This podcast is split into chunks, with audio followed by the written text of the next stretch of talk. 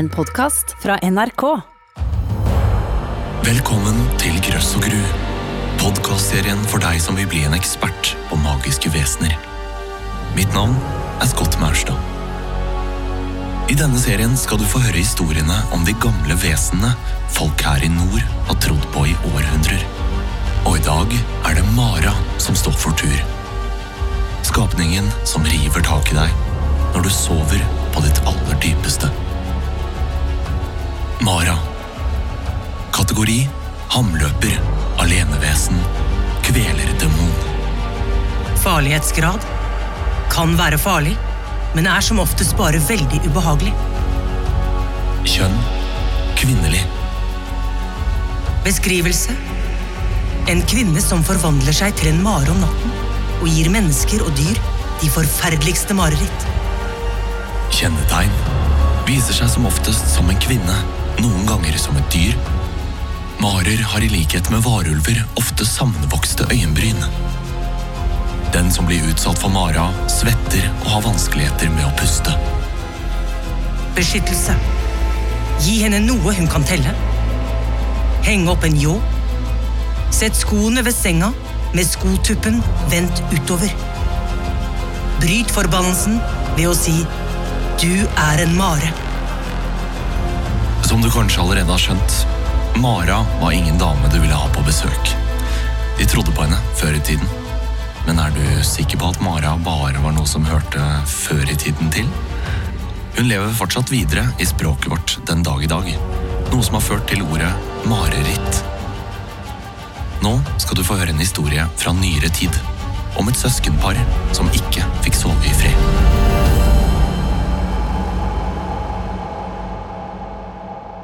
Da lillesøsteren min, Anna, var sju, begynte hun å få det man kaller søvnparalyser. Det vil si en slags søvnlammelse der du sover, men likevel hører og sanser alt rundt deg, uten å klare å verken røre deg eller få ut en lyd. Det er uvanlig at barn plages med dette, og ingen av oss skjønte hva det kom av. Til slutt ville ikke Anna sove om nettene mer, hun bare småsov litt om ettermiddagen etter skolen for å komme seg gjennom enda en søvnløs natt. Hun fortalte at drømmen alltid var den samme. En dame med langt, ustelt hår, litt for bredt smil og litt for store øyne, sto bøyd over sengen hennes og prøvde å stikke hånden inn i munnen på henne mens hun hvisket at hun skulle ta kroppen hennes. Anna var helt lammet av skrekk og prøvde å rope helt til hun våknet. Og hun var sikker på at damen kom til å fortsette å komme hver natt, helt til hun klarte å gjøre det hun var kommet for. En natt våknet Anna etter et spesielt voldsomt mareritt. Hun kom inn på rommet mitt og dro i meg helt til jeg våknet. Kan du ikke sove i senga mi sammen med meg? sa hun. Du må passe på meg. Jeg begynte å lese for henne til hun sovnet, og så la jeg meg på en madrass på gulvet. I En natt da jeg våknet fordi jeg måtte på do, så jeg at Anna lå og stirret på meg. Helt stille. Veldig anspent og fullstendig vill i blikket, mens hun mumlet nei, nei, nei. Jeg tok et skritt mot sengen hennes og vekket henne. Hun rykket til, ropte høyt og dyttet til meg med en helt umenneskelig styrke. Jeg var totalt uforberedt og ramlet ned på gulvet. Hadde det ikke vært for madrassen, hadde jeg sikkert brukket ryggen eller knust skallen. Rett etterpå stirret hun forskremt på meg fra senga. Jeg vet ikke hva som skjedde, gråt hun. Unnskyld, vær så snill, ikke gå. Neste natt skjedde det samme. Jeg hadde ligget og hørt på den rolige pusten hennes. Da det plutselig ble stille. Jeg reiste meg og så at hun hadde det samme blikket som natta før. Denne gangen brøt hun seg løs fra drømmen selv og satte seg opp. Kom, kom, hveste hun mot meg.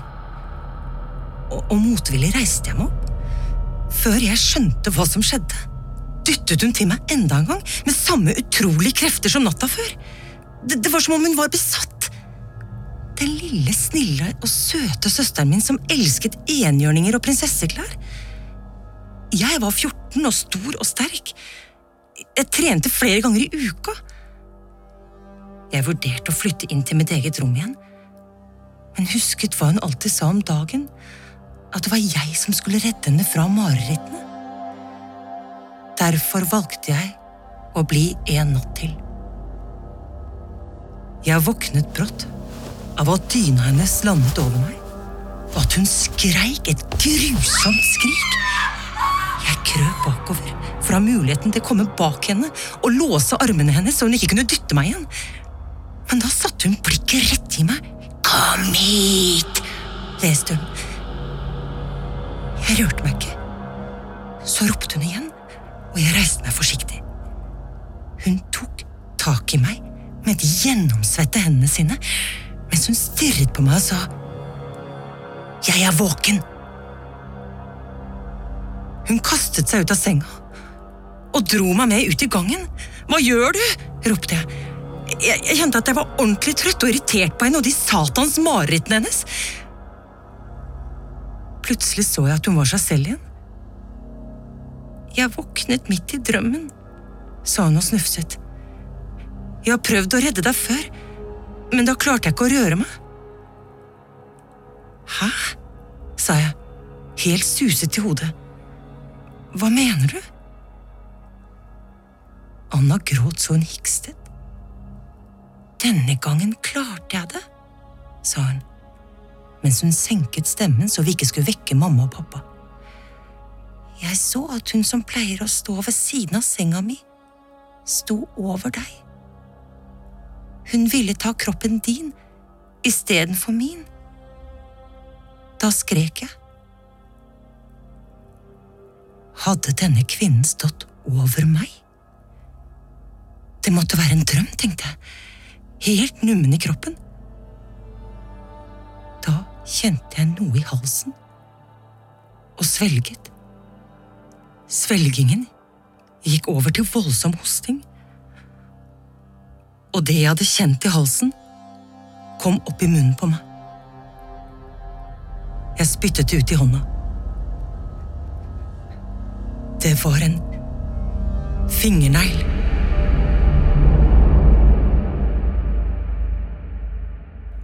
Mara blir oftest skildret som en kvinnelig vette, en kvelerdemon. Hun var en av de mest sammensatte kvinneskikkelsene i norsk tradisjon. Hun var til dels menneske, til dels overnaturlig. Om dagen var Mara en vanlig kvinne, men om natten forvandlet hun seg til en mare som kunne komme inn gjennom den minste sprekk eller kvisthull. Det hjalp ikke uansett hvor godt man stengte og låste. Mara kom seg inn uansett, og plaget sovende dyr og mennesker gjennom å gi dem grusomme mareritt. Hun hoppet opp på brystet til den som sov, og klamret seg fast. Den sovende begynte å svette, fikk problemer med å puste og ble plaget av de forferdeligste mareritt. Når offeret våknet, var det ofte med en følelse av å ha blitt kvalt. De kaldsvettet og kunne ha problemer med å prate og røre seg. Hvordan man ble en mare, skal jeg straks fortelle deg. Det skumle var at det kunne være tilsynelatende helt vanlig menneske. Noen ganger visste ikke kvinnen at hun var en mare selv. Det kunne få fatale konsekvenser. Fra en gård i Skinnskatteberg i Sverige har vi dette sagnet. En gang da jeg kjørte tog, ble jeg sittende ved siden av en dame som jeg begynte å prate med. Hun var superhyggelig og bød meg på kaffe og hjemmebakte kanelboller. Da hun hørte at jeg var opptatt av gammel folketro, sa hun at hun måtte fortelle meg en historie fra hjemtraktene sine. Dette skjedde på en gård i nærheten. En morgen så fant bonden hesten sin gjennomsvett og vill i blikket. Manen var full av marefloker.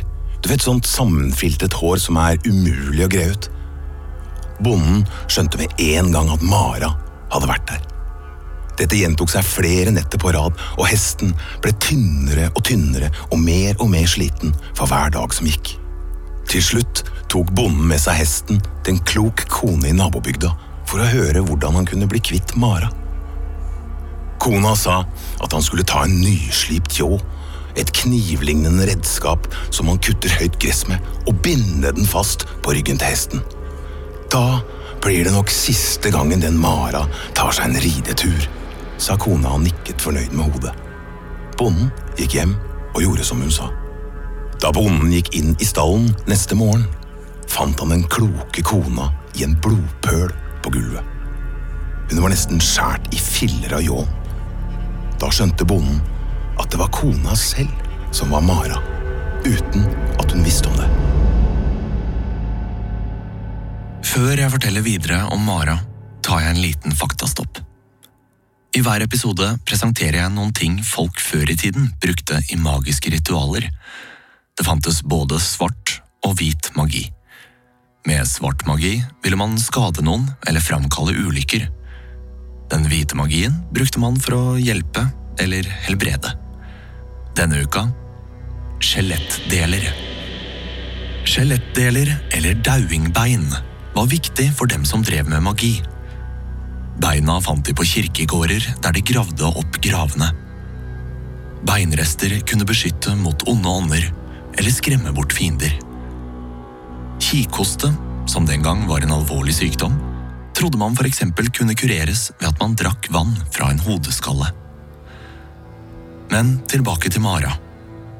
Hvordan opplevdes det egentlig å få besøk av Mara i de seine nattetimer? Og hvem var hun?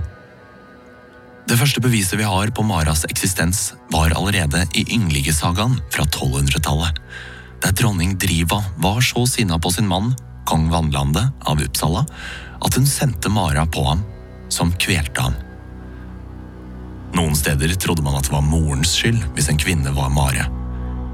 Hvis moren hadde prøvd seg med magiske knep for å få en enkel fødsel, f.eks. ved å smyge seg gjennom fosterhinnen til et nyfødt føll for å kunne føde like lett som en hest, ville døtrene bli marer og sønnene varulver. Og hvis en kvinne fikk sju døtre, ville garantert en av dem bli mare. Det sies også at hvis en av foreldrene til ei jente var utro, ville jenta bli forvandlet til mare passe urettferdig mot den stakkars jenta, hvis du spør meg. Andre steder trodde man at Mara var en ond kvinne fra nabobygda, som forvandlet seg for å plage noen hun var sint eller sjalu på. Det kunne også være en ugift kvinne som lengtet etter en mann, og som sørget for at han drømte romantiske og erotiske drømmer om henne. Det fantes også menn som giftet seg med Mara. I dette sagnet går det ikke så godt. Det var en mann som ble mareridd hver eneste natt, uten at han kunne skjønne hvordan Mara kom inn i soverommet hans.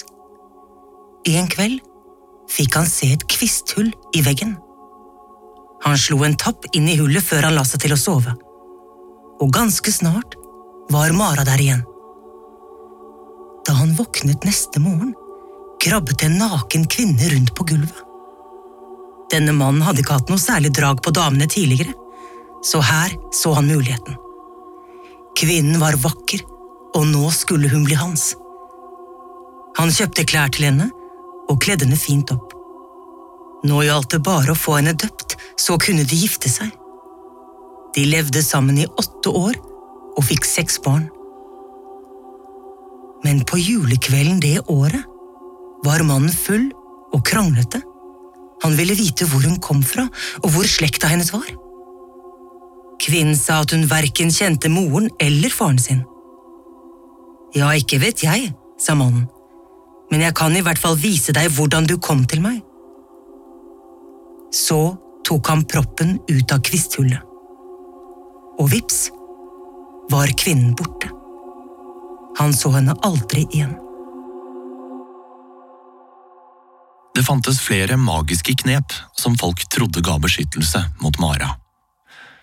For selv om Mara både kunne være ondskapsfull og utspekulert, var hun ikke så veldig smart.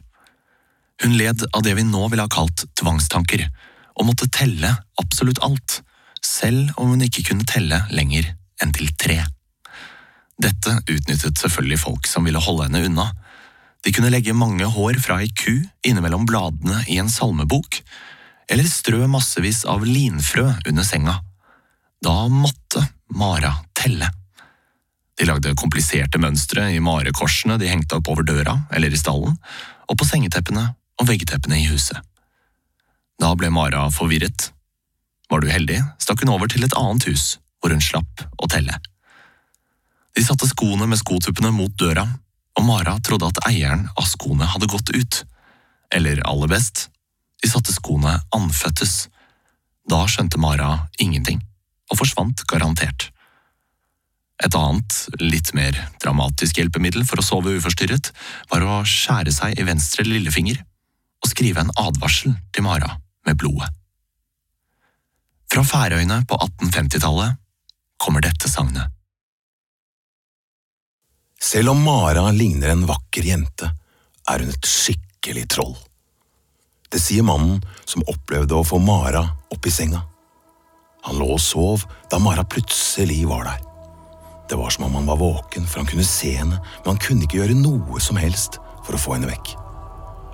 Hun lå så tungt på ham og trykket ned brystet hans så hardt at han verken kunne puste eller røre seg. Han var vettskremt og kroppen helt paralysert. Da stakk hun plutselig fingrene inn i munnen på stakkaren for å telle tennene hans. Mannen visste at hvis hun lyktes med det, ville han dø. Med det siste han hadde igjen av pust, ropte han Jesus! Da ble Mara borte like fort som hun hadde kommet. Nå skal jeg straks takke for meg, men før jeg avslutter, skal du som vanlig lære noen ekte magiske triks fra gamle dager. Felles for disse er at de er ganske tilgjengelige, og innebefatter noe de fleste av oss har, samtidig som de kan være litt ekle. Noen av de magiske knepene folk i gamle dager brukte, inneholdt ekle ting, som svette, spytt, blod, tiss og bæsj. I dagens episode fortsetter vi med blod. Man kunne bruke blod hvis man ville få noen til å bli forelsket i seg. Da tok man mensblod eller blod fra et dyr, helst orm, flaggermus, due eller padde, og blandet det inn i maten eller drikken til den man var interessert i. Hvis man ville bli kvitt fødselsmerker, du vet sånne store rødblå merker man kan ha eksempel i ansiktet, kunne man smøre dem med blodet fra et nyfødt barns navlestreng. Hvis en kvinne drakk blodet fra en geitebukk, ble hun ikke gravid. Hvis man smurte flaggermusblod over øynene, kunne man se i mørket. Grøss og gru er produsert for NRK av Svarttrost Produksjoner. Mitt navn er Scott Maurstad. Du hørte også stemmene til Hedda Munthe og Stig Henrik Hoff. Denne serien er bygget på den svenske bokserien Vesenologi av Ingela Korsell. Historien du hørte innledningsvis, er skrevet av Maggie Louise for podkasten Chilling Tales for Dark Nights.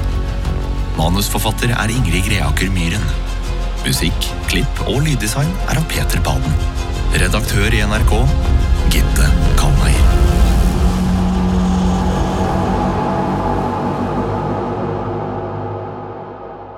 Du har hørt en podkast fra NRK. Hør flere podkaster og din NRK-kanal i appen NRK Radio.